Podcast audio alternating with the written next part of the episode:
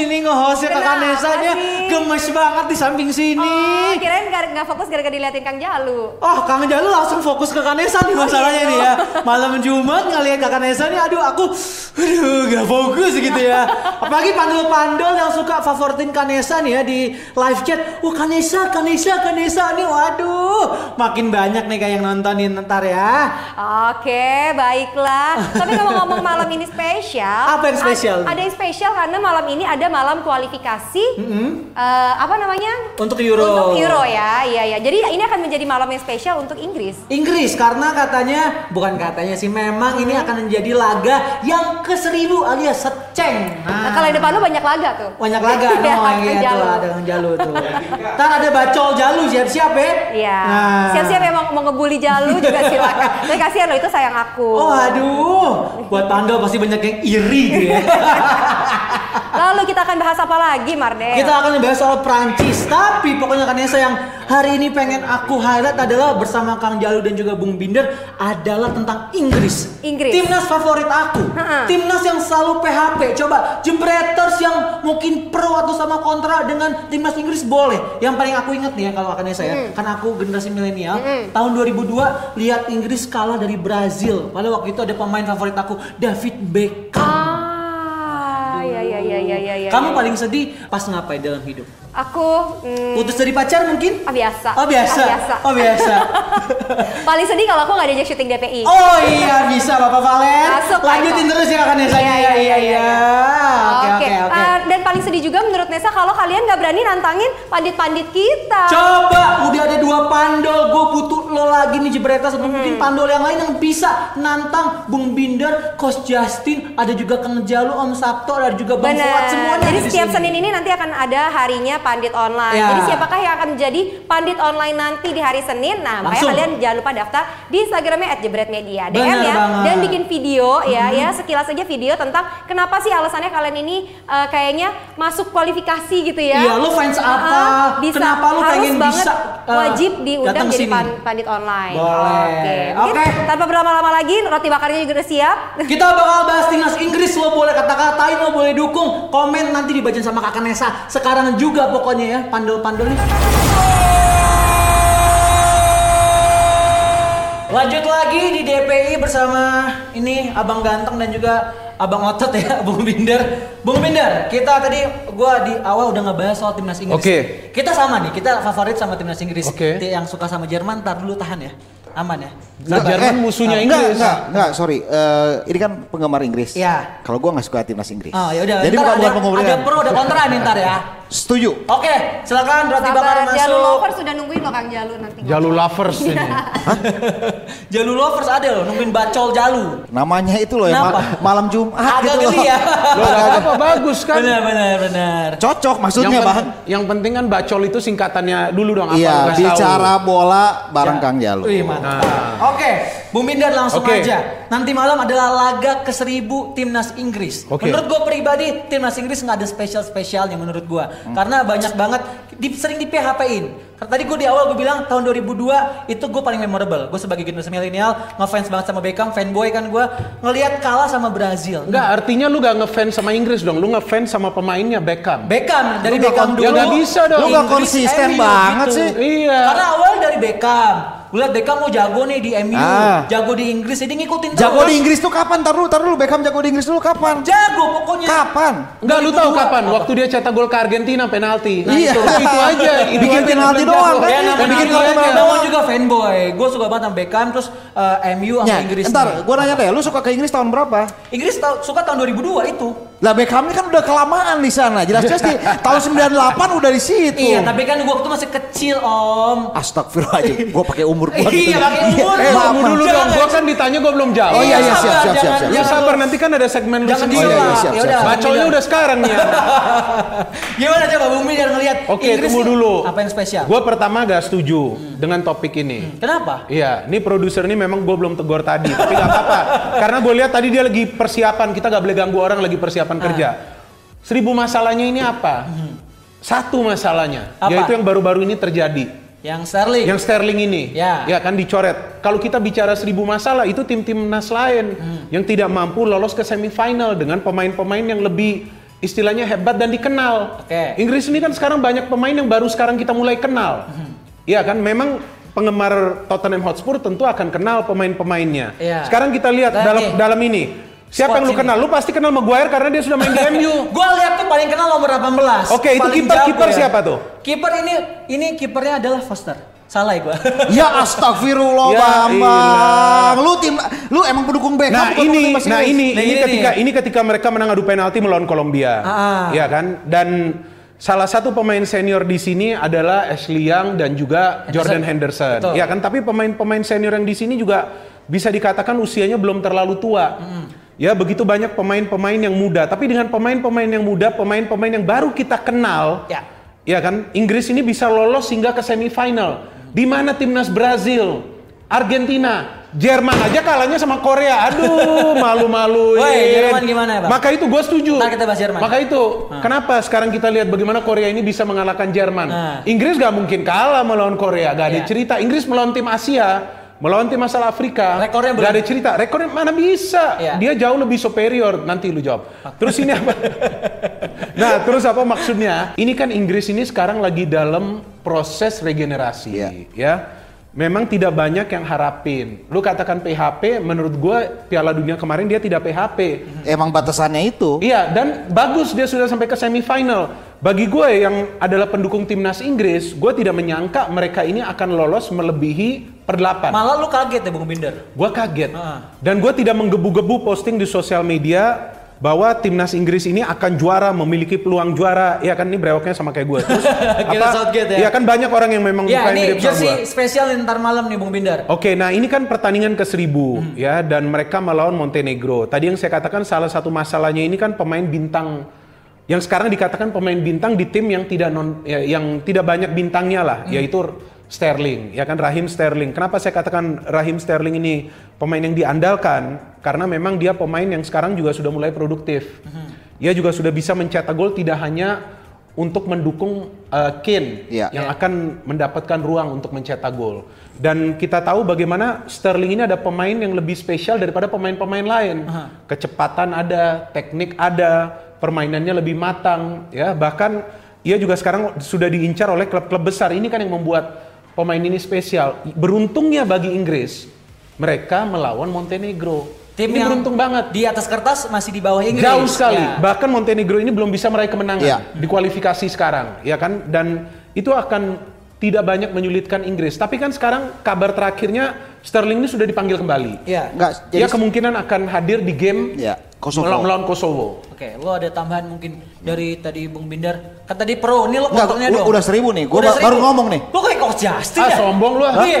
Iya, iya deh. Yang ditungguin tuh Coach Enggak, ini Justin. maksudnya apa? Melihat harapan. Bukan Lu Kang melihat harapan nih. untuk apa? Ah. melihat harapan. Ya untuk Waduh. untuk timnas Inggris. ya? Melihat Ah. harapan untuk timnas Inggris bagi fans timnas Inggris untuk melihat hasil yang lebih baik enggak? Ah. Gini kalau misalnya kata tadi Bung Binder bilang ada tim pemain bintang ada di tim yang sebenarnya la- dalam proses menuju bintang kan.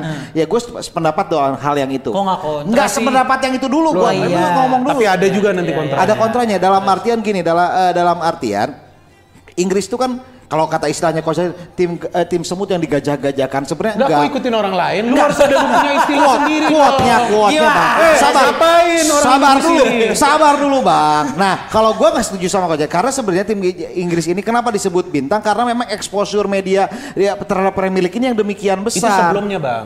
Iya. Ketika dia memiliki pemain-pemain yang sudah Betul. matang. Nah, benar. Jadi mengapa ketika Inggris yang ketika di 2000 Kalau sekarang dia tidak diunggulkan 2018. 2018 dia memang dalam tanda petik gua agak kontrain dia sedikit lawannya emang agak lama. Kalau Jerman sih emang bapuk Oh enggak duluan. juga.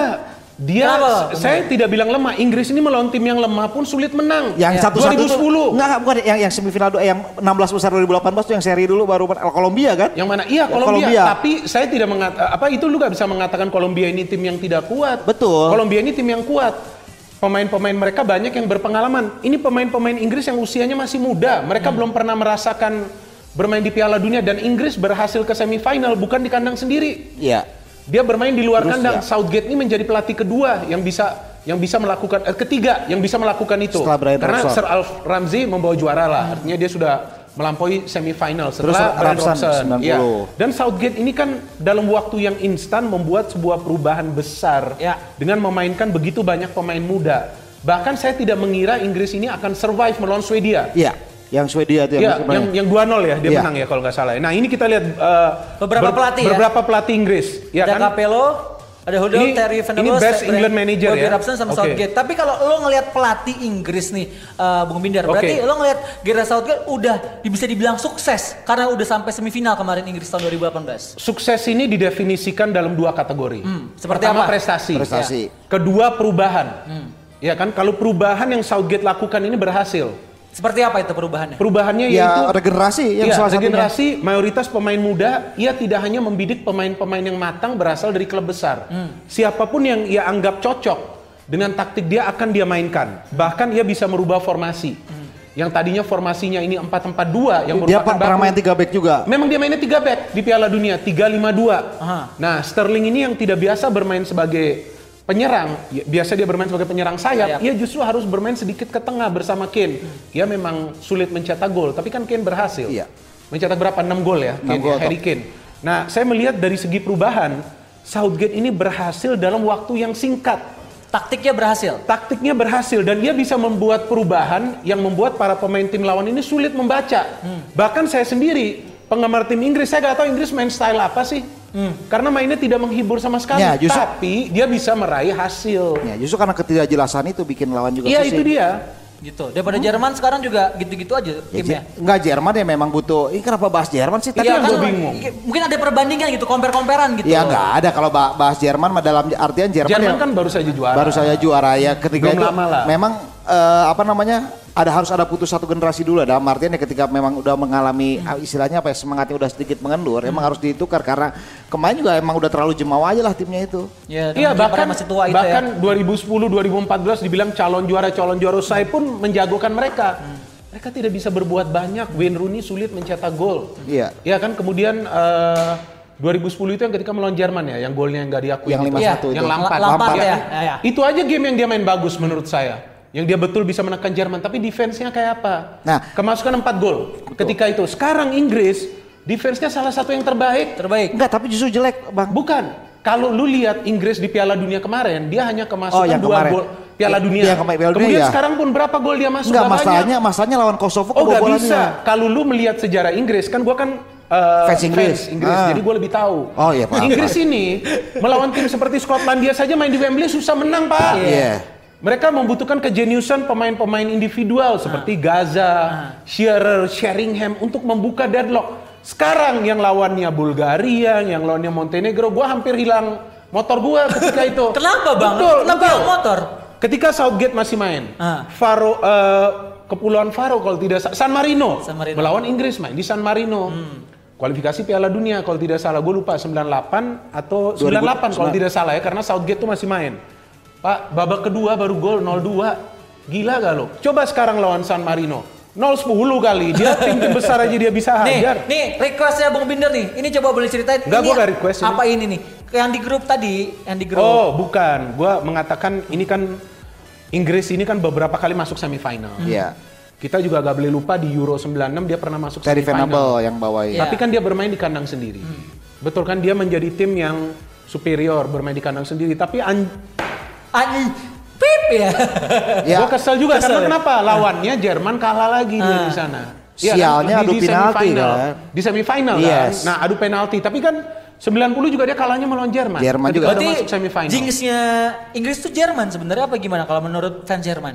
Ya, Dengan lihat enggak. beberapa match itu. Ya enggak kan Inggris juga pernah menang 5-1 lawan Jerman Pernah. ketika Kualifikasi. Sven Goran Eriksson Iya, kan betul, kualifikasi Piala Dunia 2002 ya menurut gue sih Main di Jerman. main, main di Jerman main di kan eh, main di Jerman itu Jerman terburuk tapi akhirnya justru ketika Piala Dunia Jerman yang melangkah sampai final ya Hmm. dan kalau menurut gue sih Inggris memang oke lah eh, 2002 itu ya?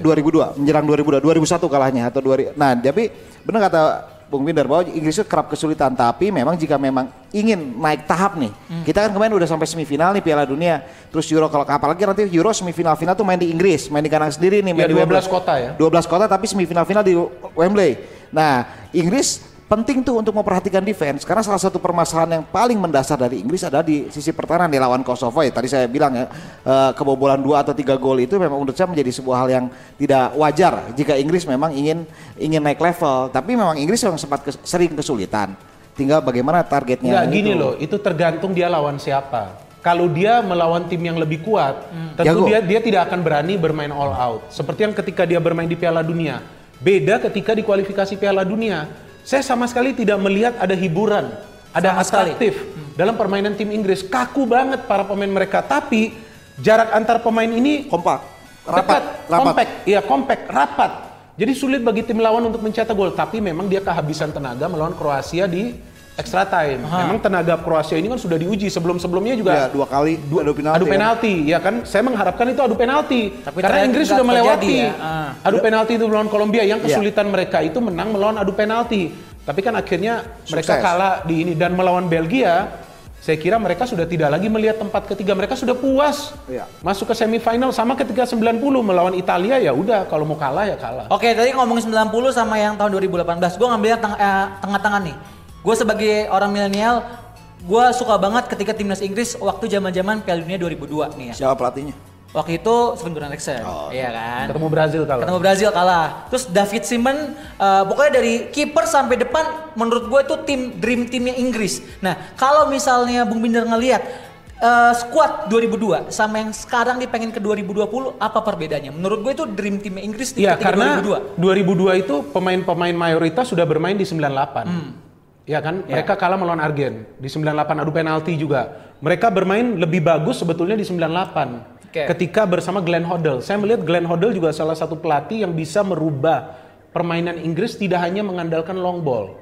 Tapi ada juga umpan-umpan eh, jarak pendek, Sama ada juga pass, iya iya. cantik dan ia juga uh, memainkan pemain-pemain yang memiliki skill dan ia juga memiliki keberanian memainkan Michael Owen Sama pemain muda masang dan ia mencoret Gaza Ya. ketika itu ia tidak memainkan Gaza. Padahal uh, semua mengharapkan bahwa Gaza ini Gascoigne itu bisa bermain karena di kualifikasi ini Gascoigne dan Ince. Iya. ini menjadi jenderal di lini tengah. Tapi ia tidak memainkan Gaza Gascoigne itu salah satu keterampilan dari Hodel. Tapi Hodel juga kan nggak lama. Ada masalah di luar sepak bola kalau tidak salah.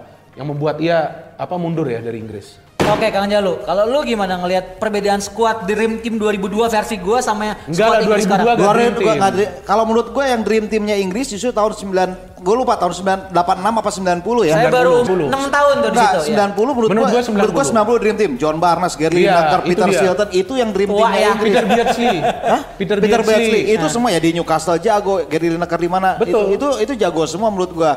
Sampai Peter Chris Waddle Chris Chris Waddle. Chris Ya orang tua Waddle, ngomong iya. ya, lanjutin terus ya. Enggak, maksudnya kalau lu bilang dream team, gua nggak melihat 2002 sama Iya, 98 sama dream juga team. nggak ngeliat. Ya Simon Cuman kematangan pemain di 2002 lebih bagus. Yes, Oke, karena itu. 98 eh 90 ada si eh, Shilton yang sebenarnya udah usianya 40. 40, iya. Masih bagus Shilton Masih ketika bagus, itu, iya. iya. Kalau di Shilton dibandingkan sama Simon ya jelas jauh lah, Mar. Yang saya belum nonton yang itu. Ya kan ngasih tahu kalau lu Iya, makanya tambahin ya. Simon juga bagus, Ah. ya kan. Cuma dia melawan Brazil itu juga saya kira tidak bisa disalahkan. Itu kejeniusan dari Ronaldinho. Ronaldinho. Itu kejeniusan benar-benar yang membuat ia tidak bisa membaca akhirnya bola itu mengarah ke gawang sendiri dan itu gue nobar.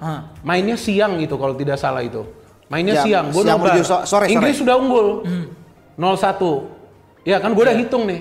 Kenapa Ternyata gitu kalah. Kalah, ya. ya udah. Udah 0-1 udah unggul akhirnya kalah 2-1. Ya Tapi udah. mereka kalah melawan tim yang menjadi juara. Jadi ya gue bangga juga lah. Yang penting yang kalahin gue adalah tim yang menjadi juara. Ya udah, jangan kita- Korea, jangan Korea.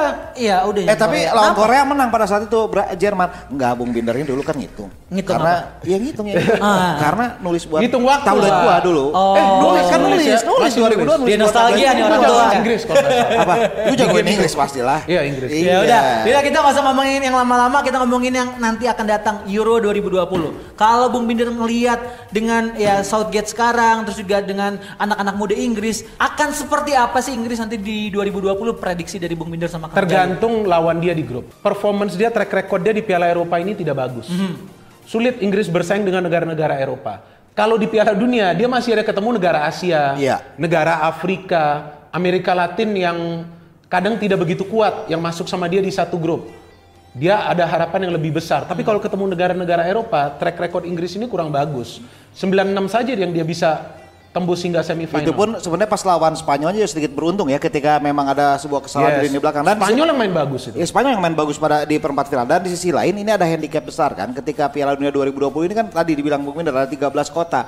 Piala Ini, Eropa. eh, ak- ak- ak- akan roadshow permainan. Jadi pasti ya oke lah jarak Eropa itu tidak tidak tidak sebesar Brazil atau sebesar, Iya. sebesar Rusia tapi setidaknya kan itu ada handicap bahwa ada ada mungkin kelelahan yang biasanya kita main home turnamen tuh yang Iya, tiap iya. eh, cuma is- yang di ber- itu-itu cuma di lah. itu tempat dengan istirahat tiga hari yang maksimal istirahat jadi dua hari nah itu akan menjadi tantangan tersendiri tapi kalau melihat eh, skuad yang mengapa Southgate mengambil pemain muda itu mungkin salah satu alasannya adalah untuk menghadapi seperti itu dengan recovery yang mungkin akan Iya, sangat betul, cepat betul. itu akan sangat dibutuhkan apalagi ini akan semangatnya berlipat ganda nih demi eh, main di final yang akan dilaksanakan di Wembley ini akan menjadi menjadi non teknis Terus kalau misalnya apa namanya kita ngomongin soal pemain nih, yang ntar malam deh yang bisa jadi spotlight tuh kira-kira siapa? Kalau gue pribadi Marcus Rashford pasti lagi lagi gacor-gacornya nih. Enggak, ntar. apa yang lu harapin dari Rashford? Rashford ya yang penting dia bisa nyetak gol di MU. Enggak juga lah, itu kan MU. Iya. Kalau di Inggris kan Southgate sendiri kan tidak begitu impress dalam beberapa game ini Masa sih? Hmm. performa iya performa Rashford turun.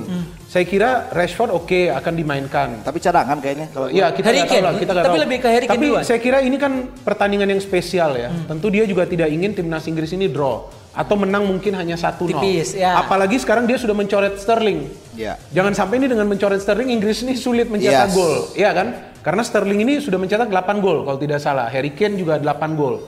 Sterling banyak memberikan assist, Harry Kane 3, 3 atau 4 kalau tidak salah. Nah ini yang akan menjadi persoalan bagi Inggris jika pemain dari second line ini tidak bisa perform. Nah saya melihat pemain-pemain asal Chelsea bisa dikasih kesempatan. iya Ya, Tomori, Abraham. di sini. Tomori itu Mount, ya kan Mason Mount, Mount, Nah, Mount. dia dia bisa bermain Ross Barkley. Ini pemain Tapi Barkley juga lagi nggak terlalu bagus, Bung Binder di Chelsea. Dia kan kalau Southgate ini kan tidak melihat performa pemain ini di klub. Pickford apa jagonya di Everton? Everton lagi di bawah. Lebih ke nggak ada kiper lagi mungkin Bung Oh Binder enggak, Inggris. enggak, enggak. Inggris tidak ingin kiper yang hanya mendapatkan tempat di klub yang besar. Oke. Tapi yang mengincar dan klub-klub besar sekarang kebanyakan penjaga Kipernya gawang ini asing. kan asing. Yes. Bukan lagi lokal, sehingga ia melihat penjaga gawang yang bisa perform. Ini Udah naik ya? emang kadang-kadang nih malam Jumat Ah, ada aja gitu ya. Ada aja yang Lu ini. sih kurang beramal. Astagfirullahalazim, kita tuh memang harus beramal. Tadi kalau gue baru pagi. Maaf, ini bukan dakwah pandit Indonesia nih ya, Oh Dewan iya, Bo. Pandit Indonesia Oh iya, ya, maaf, bukan maaf, dakwah ya. Oh iya iya iya. Iya kalau gue sih melihat Inggris, Inggris, Inggris. Inggris ya itu. Pemain-pemainnya Ya kira-kira. gue tadi Joe halal. Gomez. Kalau ini kan uh, Iya, highlight iya, iya. Harry Kane. Ja- apa? bisa jadi nih Joe Gomez yang jadi sorotan. Iya, pasti. Jika dia dimainkan. Tapi kan dua match terakhir dia nggak dimainin. Karena kan apa eh, kabar terakhir terlihat ada luka. Iya, Di bawah di bawah kelihatan tuh baret tuh ah, ya. Di bawah mata sebelah kanan kan dan banyak yang mempertanyakan kenapa Sterling ini dicoret padahal Sterling ini pemain yang memang vital bagi Kunci, Inggris. Tapi iya. Southgate ini kan menunjukkan ketegasan dia Iya. bahwa di tim ini siapa yang memang apa tidak bisa menjaga sikap. Itu nah, harus tegas tuh ya. Iya, dia harus tegas dalam hal itu. Tapi kenapa main cakar-cakaran sih bang ya? Iya. Sampai sampai gitu-gitu gitu. Nah, gue nggak tahu. Mungkin abis lempar-lemparan, pengen nonjok, cuman ya cakar-cakaran Iya, aja kali ya. cakar-cakaran Tapi gitu. menurut uh, Bung Binder, dengan dicoretnya Sterling, akankah mempengaruhi untuk uh, performa Inggris nanti malam nih? Beruntungnya kan melawan Montenegro ya. Kalau dia melawan Montenegro saja kesulitan ya saya kira sulit mengandalkan Inggris nanti Iya. di Euro karena bisa saja kan kalau Sterling ini cedera. Iya. Ya, atau nanti dia main satu game dia mendapat atau dua game dia mendapatkan akumulasi kartu. Iya. Dan Inggris ini kan tidak depend, tidak tergantung kepada dua ataupun tiga pemain. Ini secara tim. Tapi jika Harry Kane yang nggak bermain, nah ini yang saya kira akan menjadi masalah karena Iya. Kane ini juga kan pengalaman di Champion luar biasa. Dia bisa menembus hingga ke final dan ia juga mampu mencetak gol melawan klub-klub besar. Oke, Iya. jadi Gua- ya- gua, gua ngomong lagi nih. Boleh ngomong lagi malam Jumat nih gara-gara tadi kita agak mati lampu kayaknya. Bukan mati lampu, me- memang ada gangguan, kalau Gangguan. malam Jumat tuh. Gue tadi ada ngelihat dari dari sana itu kayak ada yang gondrong-gondrong gitu di balik layar lah. Itu mah teman-teman ya? teman-teman jebret media. Oh, salah. Gue tadi ada yang Iya. gondrong-gondrong, terus agak panjang rambutnya Oh, udah, cantik, pokoknya ada selendang, ada selendang pink. Oh siapa itu Akanesa Oh, salah. Nah langsung lanjut sebelum kita ke Bacol Jalu dengan nama yang sangat kontroversial itu ya daripada dua Tinder dan juga mungkin bola bola memang binder gitu. Gue pengen tanya sama lu sekarang kita ngomongin ke timnas Prancis nih yang lagi rame. Nih kalau mungkin kalau Bung Kalau gue Prancis tuh gue punya kedekatan ya memang. kenapa? Apa Prancis itu kan perapatan Ciamis. Ya, gue kan elah. sebagai orang asli Ciamis, gue memang cocok. Eh, nggak gini loh, bener loh. Prancis kenapa Pernah nyewa orang Prancis? Pernah. enggak, enggak, bukan. Hubungannya sama Prancis kenapa deket? Ciamis itu ke satu, Prancis perapatan Ciamis. Ah, kedua. A- ada PSGC kan klub Ciamis? Apa? Paris Saint Germain Ciamis. Oh, Eh, aduh. yang ketiga gua juga dekat sama adiknya Benzema. Iya. Eh kakaknya Benzema. Kakaknya Benzema. Ini. Ini. Iya, kalau dibuka topinya mirip ya. mirip banget. Ya udah, berarti kita ngomongin soal Benzema nih Bung Binder Kang Jalu. Eh, Zidane bilang Benzema bolehlah nih balik lagi ke timnas. Ini kita bahas dikit aja ya sebelum nanti Ya, masuk ke, ke ini, betul. eh, apa namanya bacol Jalu. Lo ngelihat dari statement Zidane gimana? Ya namanya juga pelatih klub lah wajar lah dia muji-muji pemainnya Hmm. nggak ada pelatih klub makanya kalau gue sebagai wartawan ketika menanyakan tentang komentar A soal soal B dia nggak bakal nggak nggak bakal akan memilih salah, salah satu siapa pemain terbaik di tim kamu nggak bakalan ngomong. Oke, karena Pasti lo akan- ngomongin soal wartawan berarti lo suka mengutip-ngutip eh, kutipan dari pelatih atau mungkin pemain. Itu ntar ada di Bacol Jalu ya. Emang ada? Ada lah. Kan lo suruhnya gitu sama Bang Valen gimana Gue sih? salah bikin bahan di Iya, lu bacolnya. kutipan, Gue gue bacolnya bikin yang dari Inggris. kutipan habis itu lo jembrengin lagi ke bawah-bawah yang lain ya. Lu gak boleh pakai contekan. Gak boleh pakai contekan, katanya Iya, ada wartawan senior Lu gimana sih? Ya udah langsung aja habis ini bacol jalu di DPI. Bentar dulu, kabar kalau udah siap, gue belum siap. Gini nih, ka- kadang-kadang gue kadang-kadang situasi seperti ini yang bikin gue error. Jadi maksudnya ini kayak bernama udah baco, terus itu ya memang cocok banget lah dengan karakter gue ya. Hah? Nah ini jangan ngajak ngomong lagi produsernya. Jadi gua karena jadi apa yang sudah gua siapkan bingung. Karena apa? Pertama ini kan gua siapin bacolnya tentang timnas Inggris. Taunya sekarang tentang Benzema. Nah, Kembali ke, ke soal pertanyaan Mario ya dalam hal sepak bola segala hal eh, seharusnya Benzema dipanggil lagi ke timnas Prancis itu kata Zinedine Zidane ya wajar lah memuji pemainnya karena memang dia untuk menjual dengan kesempatan Benzema Benzema terakhir kali main itu tahun 2015 dengan usia berapa dia? 2005 4 tahun yang lalu usia 27 tahun dia udah main 81 kali untuk timnas dan mencetak 50 gol. Itu luar biasa. Dan secara statistik kalau kita bicara statistik yang kadang-kadang juga sebagai ambil kutipan datanya Haryo ya karena Haryo kan minggu ini nggak ada jadi gua ambil data jalur dulu dikit. Jadi dengan eh, 11 gol dan 5 assist menjadi catatan yang terbaik tuh di Liga Spanyol bahkan ngalahin Messi maupun Cristiano Ronaldo. Wajar kemudian Zidane sangat menginginkan Benzema kembali. Tapi kan kembali gini Deska mengatakan bilang gini ya terserah orang dia pelatih klub emang itu tugasnya. Sementara kan gue pelatih timnas Prancis gue yang menentukan segalanya. Nah sebenarnya kan gini kalau menurut gue Desam ini orangnya baperan. Jadi ketika eh, udah nggak suka nggak suka aja terus. Kadang-kadang nah ini gue sebagai gue nasehatin ya sebagai orang yang lebih tua dari kalian mungkin ya. Kayaknya gue ya- yang paling tua yang di antara apa namanya eh jebreter ini usianya mungkin setengah dari gua cuman kalau lu jadi orang kalau lu melihat sesuatu jangan selalu melihat dari sisi jeleknya aja. Misal kayak Mario tuh dia akan bilang ada banyak eh, apa namanya kardus segala macam. Nah justru di situ kelebihannya dia rela di dihajar kardus demi kardus tapi dia terus belajar. Nah itu nah ketika sisi terus belajarnya itu yang harusnya kita lihat. Seperti juga Benzema. Benzema mungkin pada saat itu melakukan kesalahan dengan mengirim apa namanya kalau untuk sekedar mengingatkan ya apa namanya surat surat kaleng kepada si Matteo Valbuena. Sekarang Valbuenanya sendiri udah nggak di timnas Prancis, masa nggak dipanggil juga? Oke lah, eh, segala macam itu kan bisa dimentahkan dengan karena Didier Deschamps juga sukses membawa timnas Prancis menjadi juara. Ya jadi kalau gua pribadi Benzema panggil lah untuk membuktikan bahwa kasih dua tiga kesempatan jika memang dia pantas. Deschamps juga untuk eh, membuktikan bahwa kebesaran hatinya. Nah ini nih kasusnya nih kalau dilihat dari gambar Valbuena dia ya. Namanya juga anak muda kali ya. Ah, dulu masih darahnya girohnya masih sangat semangat segala macamnya menurut gua Benzema masih pantas dengan usia 31 itu mem- memang bukan usia yang yang sudah muda. Tapi kan Oliver Giroud pun usianya segitu dan kemarin juga di timnas Prancis menjadi defensive striker ya. Nah mungkin Benzema juga punyalah pe- peran seperti itu.